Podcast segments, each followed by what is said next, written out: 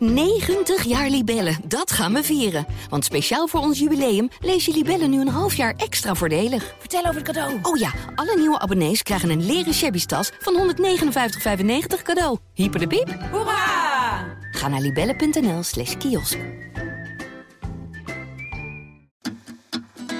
Welkom bij Culturele Bagage, de cultuur- en tijdsgeestspodcast van de Volkskrant. Mijn naam is Esma Linneman en vandaag nemen we je mee naar een veelbesproken en zelfs verguisde tentoonstelling.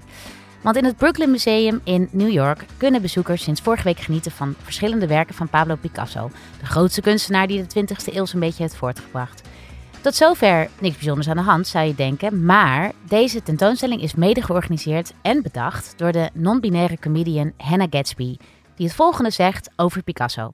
I don't like Picasso. I fucking hate him.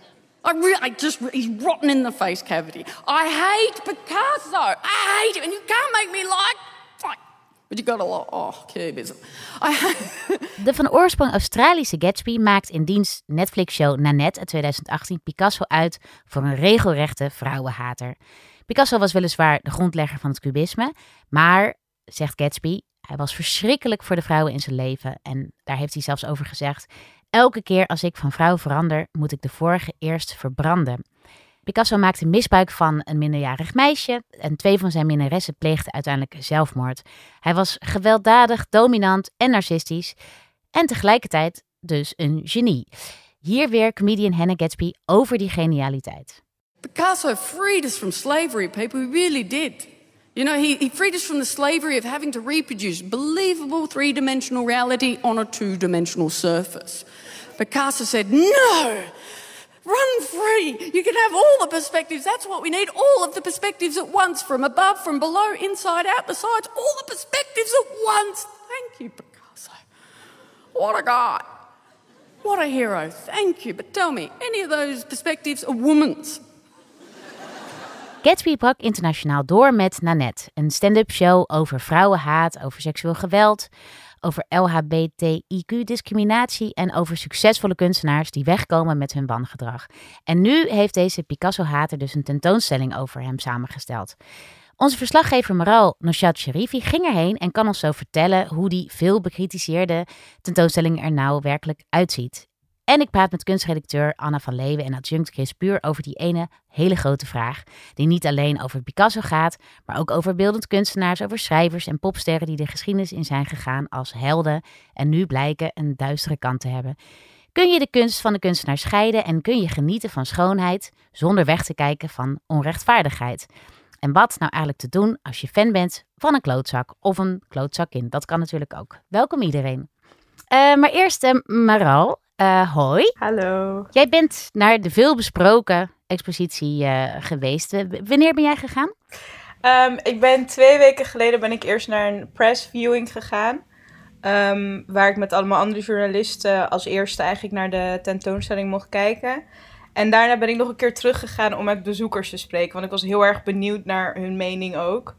Uh, omdat de recensenten dus heel kritisch waren. Dus um, ik ben twee keer ben ik daar gaan kijken. Want je zegt heel kritisch. Was dat een unaniem oordeel? Hoe, hoe werd erover geschreven? Nou, het, het was geen unaniem oordeel. Maar er kwam als eerste een heel groot stuk uit in de New York Times. Ja, waarin ze eigenlijk zeiden van... Um, ja, eigenlijk werd de tentoonstelling gewoon een beetje afgemaakt. De mannelijke recensent vond het heel kitscherig. Hij noemde het juvenile. Dus hij zei van het was echt een soort puberale tentoonstelling... waarin Hannah Gatsby... Uh, ja, op een hele kinderachtige manier eigenlijk kritiek uit op uh, Picasso. En, en, en dat, dat, dat juvenile karakter van die expositie, ben je het daarmee eens? Ik bedoel, nou ja, hoe, hoe zag het eruit? Wat trof je daaraan? Nou kijk, het was... Je komt zeg maar binnen in dat Brooklyn Museum. Dat is een heel mooi museum. Staat een gebouw. Je loopt naar binnen en dan zie je links, zie je echt in koeienletters staat er It's Pablo-matic. En dat is dan de opening van de expositie. En je ziet iets van 50 werken van Picasso zelf. Naast werken van allemaal andere um, feministische kunstenaars. Ja. Er zit een audiotour bij, dus um, terwijl je door het museum loopt, kan je luisteren naar de stem van Hannah Gatsby, die dus over de schilderijen vertelt. Um, je ziet overal quotes staan van Hannah Gatsby uit Nanette. Ehm, uit, ehm, uit hun comedy show. En je ziet ook ehm, ja, quotes van vrouwen waar Picasso een relatie mee had. Of vrouwen die hem inspireerden voor zijn kunstwerken. Dus het is best wel, uh, het is een hele feministische kijk op Picasso. Die dus Ja. dit jaar is hij ehm 50 jaar geleden eh, overleden. Dus het is een soort van Picasso-jaar. En er zijn 50 musea over heel de wereld die exposities eh, hebben over, over zijn werk. Ehm, en in Brooklyn wilden ze het toch wat anders aanpakken. Wilden ze eigenlijk een soort humoristische, feministische kijk op Picasso hebben. En ik sprak dus een van die curatoren die zeiden van ja, ehm, hoe, hoe zouden we naar Picasso kijken als hij nu, nu nog leefde, weet je wel. Daar, daar dachten we aan eh, toen we deze tentoonstelling samenstelden. Ja, ja. Dus dat was gewoon heel interessant. Want het museum wilde eigenlijk, eh, als ik het goed begrijp, een beetje een debat ook op gang brengen. Is dat in jouw ogen gelukt en waar gaat dat debat over? Ja, ik, ik, ik vind het zeker goed gelukt. Want ik las dus al die recensies en die waren best wel kritisch. En ehm, vervolgens kwamen die bezo- bezoekers en dan ging je met mensen praten. En dan was het eigenlijk, hoorde je eigenlijk niks terug van die kritiek. Ja. Dus ehm, mensen waren helemaal. Die waren er een beetje ondersteboven van. Echt dat ze een beetje soort van moesten bijkomen. Alle mensen die ik sprak, die moesten echt even op adem komen, zeg maar. Nadat ze de zaal uitliepen. Omdat ze, ja, omdat ze gewoon heel veel dingen over Picasso niet wisten. Weet je wel, ze zeiden van ik heb op, op school geleerd eh, dat hij de ja, uitvinder was van het cubisme. En ik heb hem altijd soort van als grandioze kunstenaar gezien. Maar ik wist eigenlijk helemaal niet hoe hij, ehm, waarom hij vrouwen op een bepaalde manier afbeelde. En ik wist helemaal niet dat hij een relatie had met een, meisje van 17 op zijn 45ste. En toen bleek dus dat het publiek eigenlijk best wel ja, onwetend was over die andere kant van Pablo Picasso. En eh, ze waren eigenlijk heel dankbaar dat ze dat dan eindelijk leerden. En de kritieken van die recensenten gingen heel erg over Hannah Gatsby. En dat die van die simpele grappen maakte. En, maar ja, die bezoekers waren helemaal niet zo met Hannah Gatsby bezig. Die lazen wel de quotes en opmerkingen en grapjes en zo eh, op de muren en op de bordjes naast, naast de schilderkunsten. Maar ze waren veel meer onder de indruk van wat ze leerden over hoe Picasso te werk ging, hoe hij met vrouwen omging. Daar, waren, daar, wa- er was heel veel informatie over beschikbaar. Ja, ja, Dus dat, dat was eigenlijk wat bij hun bleef hangen. dus eigenlijk waren de bezoekers gewoon ontzettend enthousiast. Ja, Ja, en ik had het totaal niet verwacht. En ik ging ook echt alle kritiek die ik in die recensies eh, las, ging ik af van... Maar vind je het dan niet te simplistisch? En vind je, had je niet meer werken gewild van... Serieuze werk van Picasso gewild? En had je niet dit en had je niet dat? En zaten allemaal zo van... Nee, waar het ons om gaat is dat we... We voelen ons eigenlijk een beetje bedrogen. Dat we nu pas dingen leren over Picasso die we veel eerder hadden willen weten. En ehm, weet je, er, de kritiek ging ook meteen weer zo van... Oh, wil het museum Picasso cancelen? Weet je wel, er staat ook meteen bij die ingang zo van... Nee, daar gaat het niet over. Weet je wel, je kan... We willen Picasso niet cancelen. Dat is ons doel niet. Je kan iemand als Picasso helemaal niet cancelen. Weet je wel, die man is... Daar is hij veel te groot voor. En er is ook... Er zit geen... Hij, kan, hij zou er niks meer van kunnen leren, want die man is hartstikke dood. Weet je wel, dus... ja, ja. Het gaat daar niet over, maar we willen een discussie op gang brengen en mensen iets nieuws meenemen. En nou ja, ik denk dat gewoon Amerikaanse bezoekers misschien minder op de hoogte waren van, van ja, sommige aspecten van zijn werk. En dat ze dat dan ja, nu wel, dat ze hem nu gewoon beter kennen. Ja, ja, nou, super interessant. Dankjewel voor deze uitleg. Oké, geen dank. Eh, dan hang ik nu met jou op. Anna, eh, jij bent onze kunstredacteur. Als je dit zo hoort, eh, denk jij dan van nou, geslaagde expositie? Nou, ik vind het heel spannend dat, die, eh, dat dat zo ver uit elkaar loopt natuurlijk. Die reacties van die critici en die reacties van het publiek. Ja, En dat het natuurlijk ook te maken heeft met de informatievoorsprong of achterstand eh, die je hebt. Eh, dus ik had eerst de kritieken gelezen. Toen dacht ik, ja, ik snap, ik snap die kritieken heel goed. Het wat snapte je van de, van de negatieve recensies Ik eigenlijk? snapte dat het een tentoonstelling leek die Picasso belachelijk eh, wilde maken of belachelijk leek te maken. En die ook eigenlijk kunstwerken daarbij sleepte. Die op een wat oppervlakkige manier was samengesteld. Dus eigenlijk met niet hele sterke werken van Picasso. eh, en ook eigenlijk heel veel eigen collectie van het Brooklyn Museum. Wat natuurlijk een efficiënte, eh, Manier economische ja. manier is om een tentoonstelling samen te stellen. Ja. Maar wel werken van feministische kunstenaars die eigenlijk niet eens echt een link hebben met het werk eh, van Picasso. En ook niet de kans hebben gekregen om daar met een nieuw werk op te reageren. Want dat had je natuurlijk ook kunnen doen als je wat, wat had geïnvesteerd daarin als museum. Ja. Eh, als tentoonstellingsmaker. Dus ik was het wel eens met die kritiek die ik las. Hè, van een afstand, want ik heb het niet zelf gezien. En ik vind het wel interessant als ik denk, oh ja, als, als ik nu Maral hoor, dan denk ik, oh ja, als instap tentoonstelling, als zeg maar introductie in ook feministische kunstkritiek.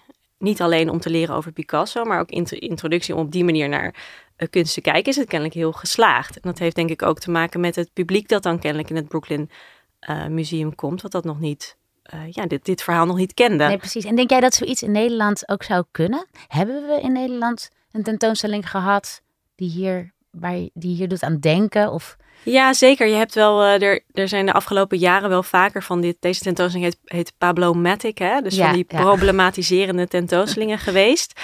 Uh, en in Nederland hadden we in de winter van 2021 hadden we een tentoonstelling in het Stedelijk Museum over Kirchner en Nolde, twee uh, Duitse expressionistische schilders. Ja. En die werden in die tentoonstelling expliciet in het verhaal van het kolonialisme geplaatst. Dus dat ging over hun inspiratiebronnen, over hun manier van werken, maar ook over Duitsland van die tijd en de etnografische objecten, op welke manier die... Jaren 30, geloof ik. Ja, ja, ja, welke manier die in Duitsland dan terecht, terecht zijn gekomen. Um, en die uh, tentoonstelling kreeg ook best wel veel kritiek. Ook in onze krant. Uh, ook in onze krant, ja, ja, ja, ja, zeker. Dat ja, het klopt. toch uh, te, een, te eenzijdig zou zijn, toch? Ja, dat ze te zwart-wit te, te heftig beschuldigd werden of te heftig afgeserveerd werden in die tentoonstelling. Dat was eigenlijk die kritiek. En ook de kritiek in andere kranten was ook van ja, als je kunst op die manier presenteert, alleen maar om een verhaal te vertellen over hoe, hoe erg of hoe slecht iets is, dan gaat het eigenlijk helemaal niet meer over de kunst, maar dan heb je een ander soort tentoonstelling. Ja. Het werd zelfs het einde van het kunstmuseum genoemd in het parool. Ja, ja. En, en jij had het ook over een tentoonstelling eh, over Gauguin. Uh, ja. Dat is een andere ja, dat problematische was Ja, dat was eerder inderdaad in de National Gallery in Londen. Uh, was een tentoonstelling over Gauguin. En vooral uh, met nadruk op zijn tijd in Tahiti. Ja. waar hij met minderjarige meisjes um, ja, relaties had. En dat was eerder, dat zit ook heel erg in zijn werk. Dat kun je gewoon zien als je zijn schilderijen ziet. Maar dat was nooit eigenlijk echt als thema van een tentoonstelling echt zo expliciet uh, meegenomen. Laat staan geproblematiseerd eigenlijk. Ja, hè? ja, ja, nee, dus ja. dat was wel echt heel nieuw. En ik denk dat die tentoonstelling over Gauguin en ook die tentoonstelling over Kirchner en Nolde eigenlijk heel uh, bijna academisch waren qua uh, opzet. opzet hè? Ja. Dus heel ja. veel research, heel echt een dik. Want ik zag ook dat een van de kritieken was over deze tentoonstelling in het Brooklyn Museum. Er is niet eens een catalogus.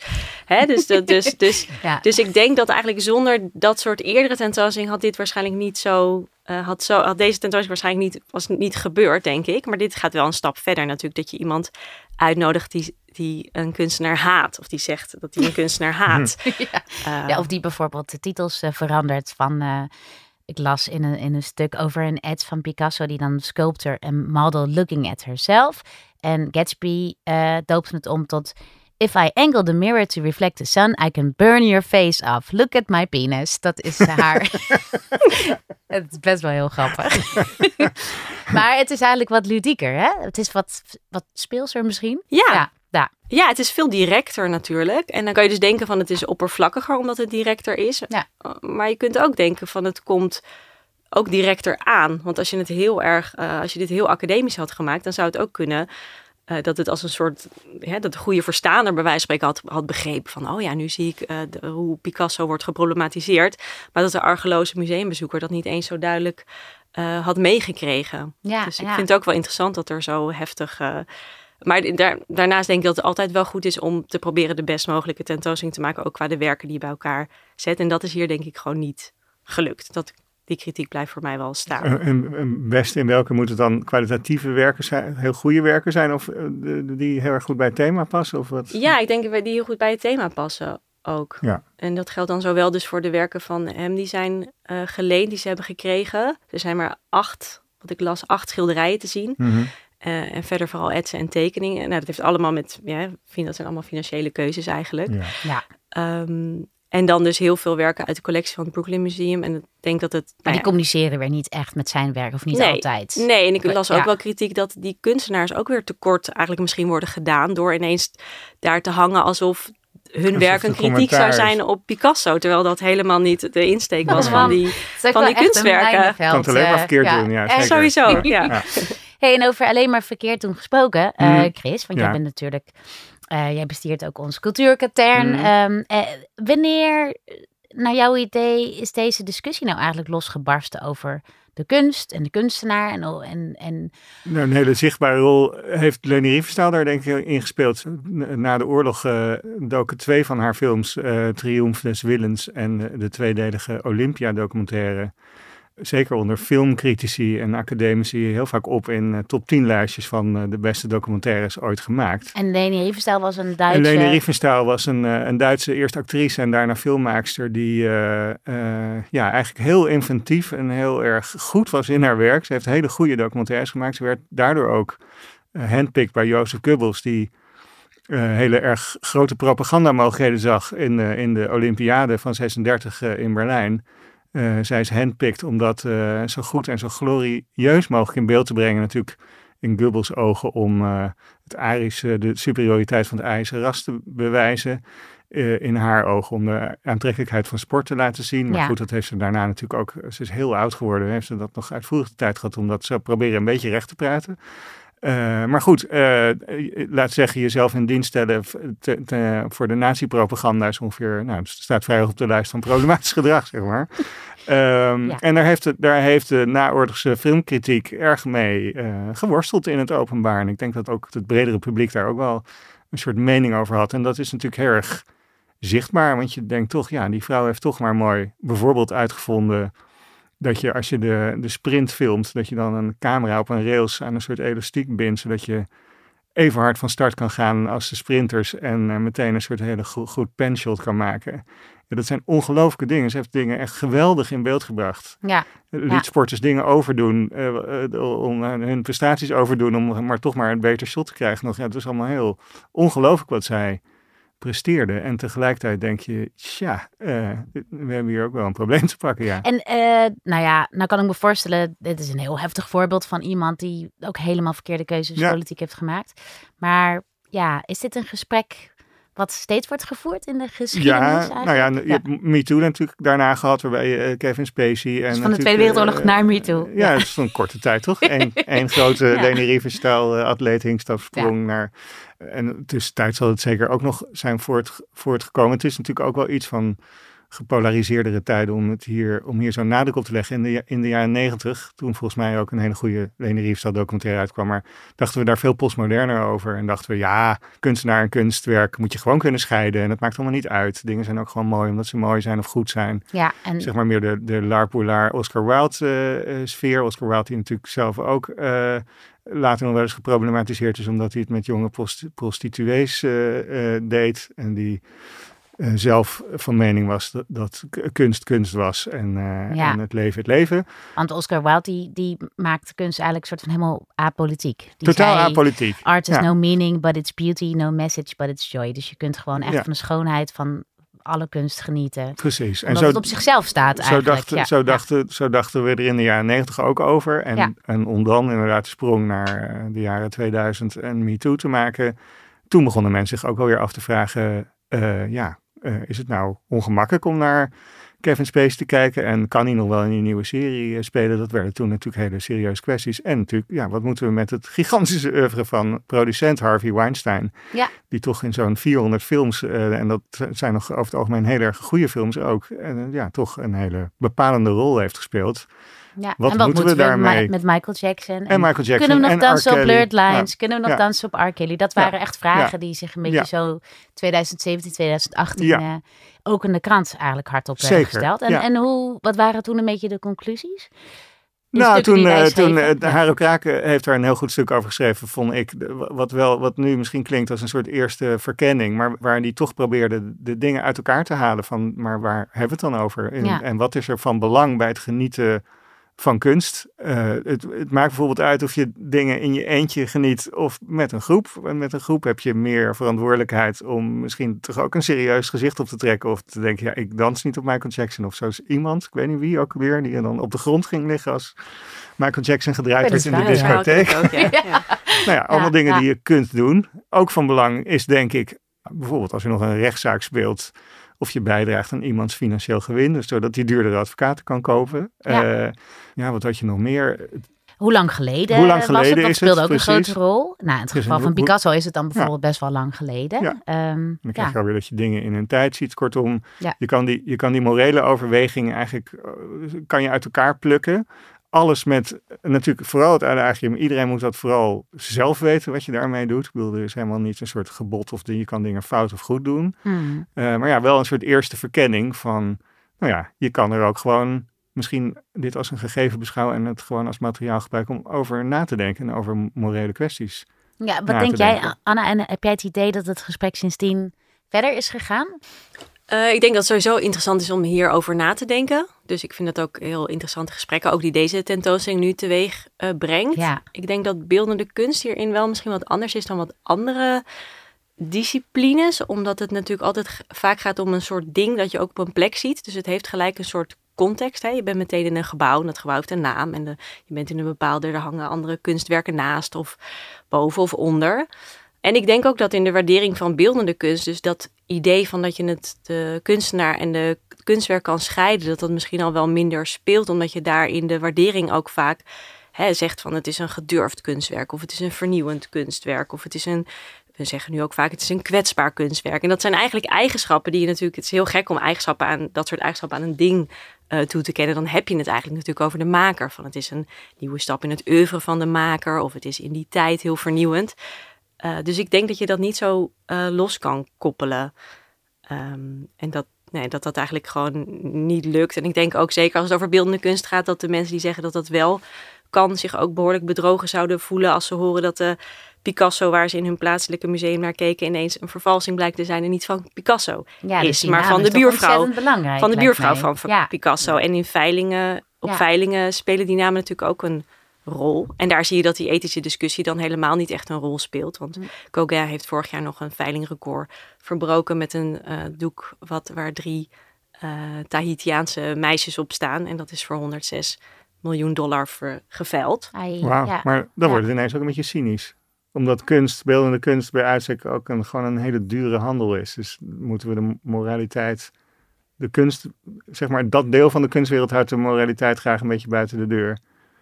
Of dat is een mechanisme. Ik denk over het algemeen dat de kunstmarkt de moraliteit graag Volledig, buiten de, op, heel de verschillende, Ja. op verschillende Kunnen manieren heel graag buiten, buiten de deur houdt. Ja. Ja. Ja. Nou ja, ik kan me dus herinneren van datzelfde stuk van Haro Kraak, waar we het over hadden, dat het ook heel erg ging over, heeft het wangedrag van de kunstenaar, houdt dat verband met het Ja, werk wat, ja. wat wordt gemaakt? En bijvoorbeeld in het geval van Gauguin had dat echt een verband. En, Zeker. eh, of bijvoorbeeld met iemand als Woody Allen, zeg maar, heeft dat ook wel een, een verband. Als je bedenkt waar hij van wordt beschuldigd, dan kijk je opeens toch ook wel anders naar een film als Manhattan, waar een, eh, wat is het, 45-jarige man met een 17-jarig meisje een relatie heeft. Ja. En dat was voor Gauguin ook. Maakt dat voor jou ook uit, Anna? Ja, ik denk dat dat zeker wel verschil maakt. Ik, hoorde, ik las één eh, criticus die zei over die Gauguin tentoonstelling van we moeten ons realiseren dat als dit foto's zouden zijn, dat we er gewoon enorm afkerig van zouden zijn. Ja. Hè, dat je naakte min, minderjarige meisjes eh, schilder of dus dan zou fotograferen met wie je ook seks hebt. Ik denk dat, eh, dat Picasso wat dat betreft wel interessant is, omdat hij natuurlijk heel veel vrouwen verbeelde, maar niet per se op een manier die we meteen herkennen als heel verlekkerend. eh, wel, Objectiverend ja, of wel objectiverend, maar dan Ja. als een soort raar, hè, objectiverend in een soort Ja, gek is- formeel vormenonderzoek eigenlijk. Hè, Ja. van, kan ik er die- ook bollen die- en kubussen van maken? Ja.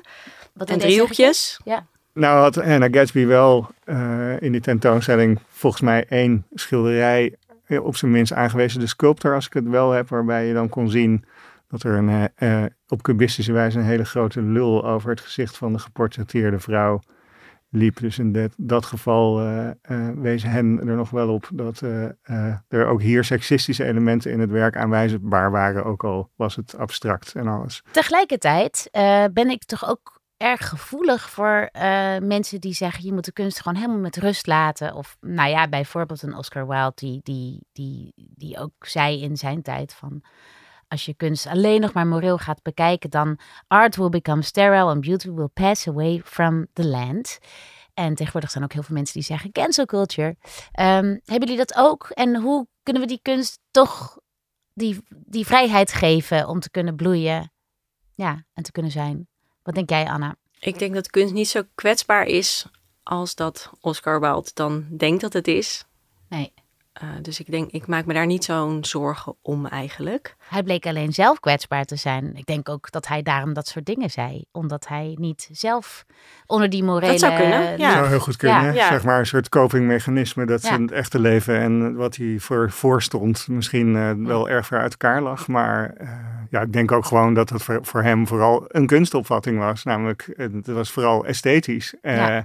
In alle opzichten. Dus moest je radicaal breken met het hele idee dat er ook maar iets van dagelijks leven van belang was. Ja, ja, ja. Ik denk niet zozeer dat, het, dat, dat, dat de moraliteit het eerste was. Eh, en tegelijkertijd denk ik, hoe, zeer, hoe fan ik ook ben van Oscar Wilde, maar ik denk wel dat het een valse tegenstelling is. Ik denk, ik denk helemaal niet dat het of moreel is of helemaal niet moreel, maar dat eh, ja, het juist een hele glijdende schaal is en verschillende elementen zijn. En dat het hele feit dat er, dat er kunst is die gemaakt wordt door verschrikkelijke mensen die allerlei foute dingen hebben gedaan, eh, ja, juist een heel goed middel is om de, om de tegelijkertijd der dingen te omhelzen. En gewoon eh, eigenlijk in één oogopslag te zien hoe complex de wereld is. Namelijk, mensen kunnen verschrikkelijk en geweldig zijn tegelijkertijd. Zonder dat dat per se verband houdt, maar wel eh, materiaal om je aan het denken te zetten. ja. En dan kan het toch nog eens een keer hele goede kunst zijn. Ook al is het gruwelijk of naar of vervelend. Dat doet toch helemaal niet tekort aan de morele misheid die daaronder ligt, denk ik. Nou, heel mooi gezegd. Eigenlijk, ja, ik kan niet anders zeggen, Chris. Ja. Heb jij daar nog iets aan toe te voegen, Anne? Nee, en aan jullie beiden, hebben jullie zelf mensen, zijn jullie fan van mensen waarvan je denkt, eigenlijk kan ik hier gewoon niet meer naar luisteren of niet meer naar kijken of, of lukt, of dat het ook niet meer lukt? Dat heb ik namelijk soms. Ik kan dan heel rationeel bedenken van, ja, maar ik moet toch gewoon kunnen genieten van deze kunst. En dan Nou, vind ik het toch lastig als ik eenmaal weet wat er aan de grondslag lag. Of wat er, waar die kunstenaar zich aan heeft. eh, ja. Ja, in, in dit geval Schuldig van. Picasso accepteer ik gewoon dan de, de mooie tegelijkertijdheid der dingen. Hmm. En Ja. dat ik fan ben van een klootzak, zoals jij Ja. in je inleiding zei. Verder heb ik die, die, die worsteling bij mezelf niet zo, eh, nog niet zo meegemaakt. Nee. Nou, ik vind wel. Je hebt, je hebt het klassieke voorbeeld eh, eh, van mensen die gewoon teleurgesteld zijn in hun vroegere helden. Zoals, niet dan van mij, maar toch wel Morrissey bijvoorbeeld. Die dan daarna toch een hele beetje vervelende, extreem rechtse lul wordt. Brexit-ganger wordt. Brexit-ganger.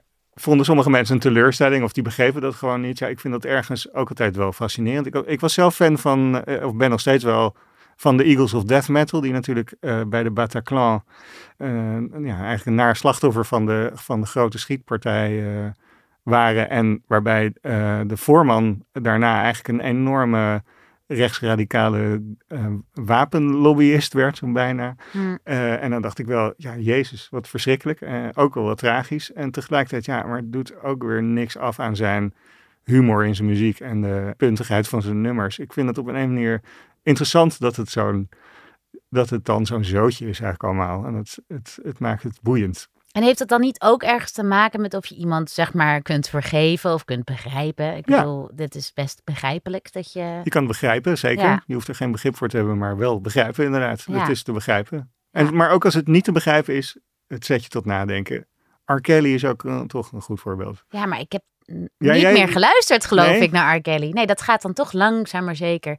Overigens, ik kan dat dus nu niet doen met mijn hele collectie. Ik hou heel erg van, eh, nou ja, rhythm and blues en soul. Nou ja, daar zijn zoveel mensen Ja. die moorden hebben gepleegd, verkrachtingen. En dus ik, eh, ja, voor mij is het een soort soms, ja, een soort zoektocht om toch te genieten. Maar, ehm, Maar wat ik gebeurt luister, er dan als nou, ik je luister geniet? bijvoorbeeld niet meer naar Michael Jackson Nee. van na thriller. En dan Nee. soms nog wel thriller. Vooral omdat ik thriller ook weer een soort exposé vind van... Ik heb dan het idee, ja, volgens mij wist hij gewoon...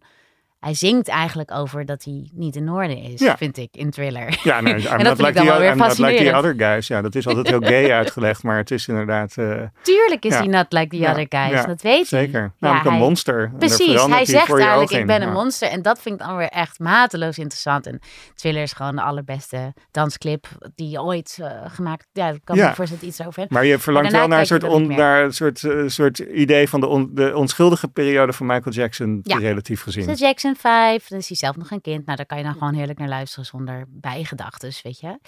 Maar ook de onschuldige tijd dat je zelf ernaar kon, naar hem kon luisteren van na Thriller, toch? Ja. Daar zat ook toch dat je dat allemaal nog niet wist. Nee, eh, dat is een mooie tijd was dat.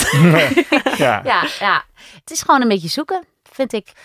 Eh, ja, of dat ik juist heel veel ga lezen over eh, iemand die ik adoreer, maar van wie ik weet dat hij ook hele slechte dingen heeft gedaan. Dat ik dan denk, nou, het minste wat ik kan doen is me er dan gewoon helemaal in verdiepen of zo. Ja.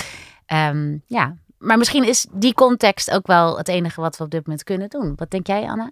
Tot slot. Ja, als ik denk naar Picasso, dan is dat verdiepen in zo'n kunstenaar. Zo ook als, als die bezoekers van die tentoonstelling zeggen tegen, te- zeiden tegen Maral, denk ik dat dat heel veel toevoegt. Omdat Ja. het gewoon iets kan zeggen, iets vertelt over een kunstenaar. En dat Ja. je iemand beter begrijpt. En dat je kunst is natuurlijk gewoon toch iets heel persoonlijks. Dus hoe beter, hoe beter je iemand kent, hoe beter je die kunst kan begrijpen. En in sommige gevallen waarderen en in sommige gevallen juist misschien minder goed eh, waarderen. Ja. En Of- dat is denk ik nog best een eh, persoonlijke afweging uiteindelijk. Ik denk ook, die ik denk dat iedereen die grens... wel vrij is om gewoon te maken. Toch? Ja. Dat zijn we het allemaal. Ik denk dat die, grens, dat die tafel. grens bij Ja. iedereen anders ligt, inderdaad. En dat dat heel erg afhankelijk is, inderdaad, van je persoon. Ja. Ja, nou, dank jullie wel voor jullie komst naar de studio. Dit was Culturele Bagage. Montage en redactie worden gedaan door Team Hageman en eindredactie door Corine van Duin. En wil je de Volkskrant nou steunen? Ga dan voor een abonnement naar www.volkskrant.nl slash podcastactie.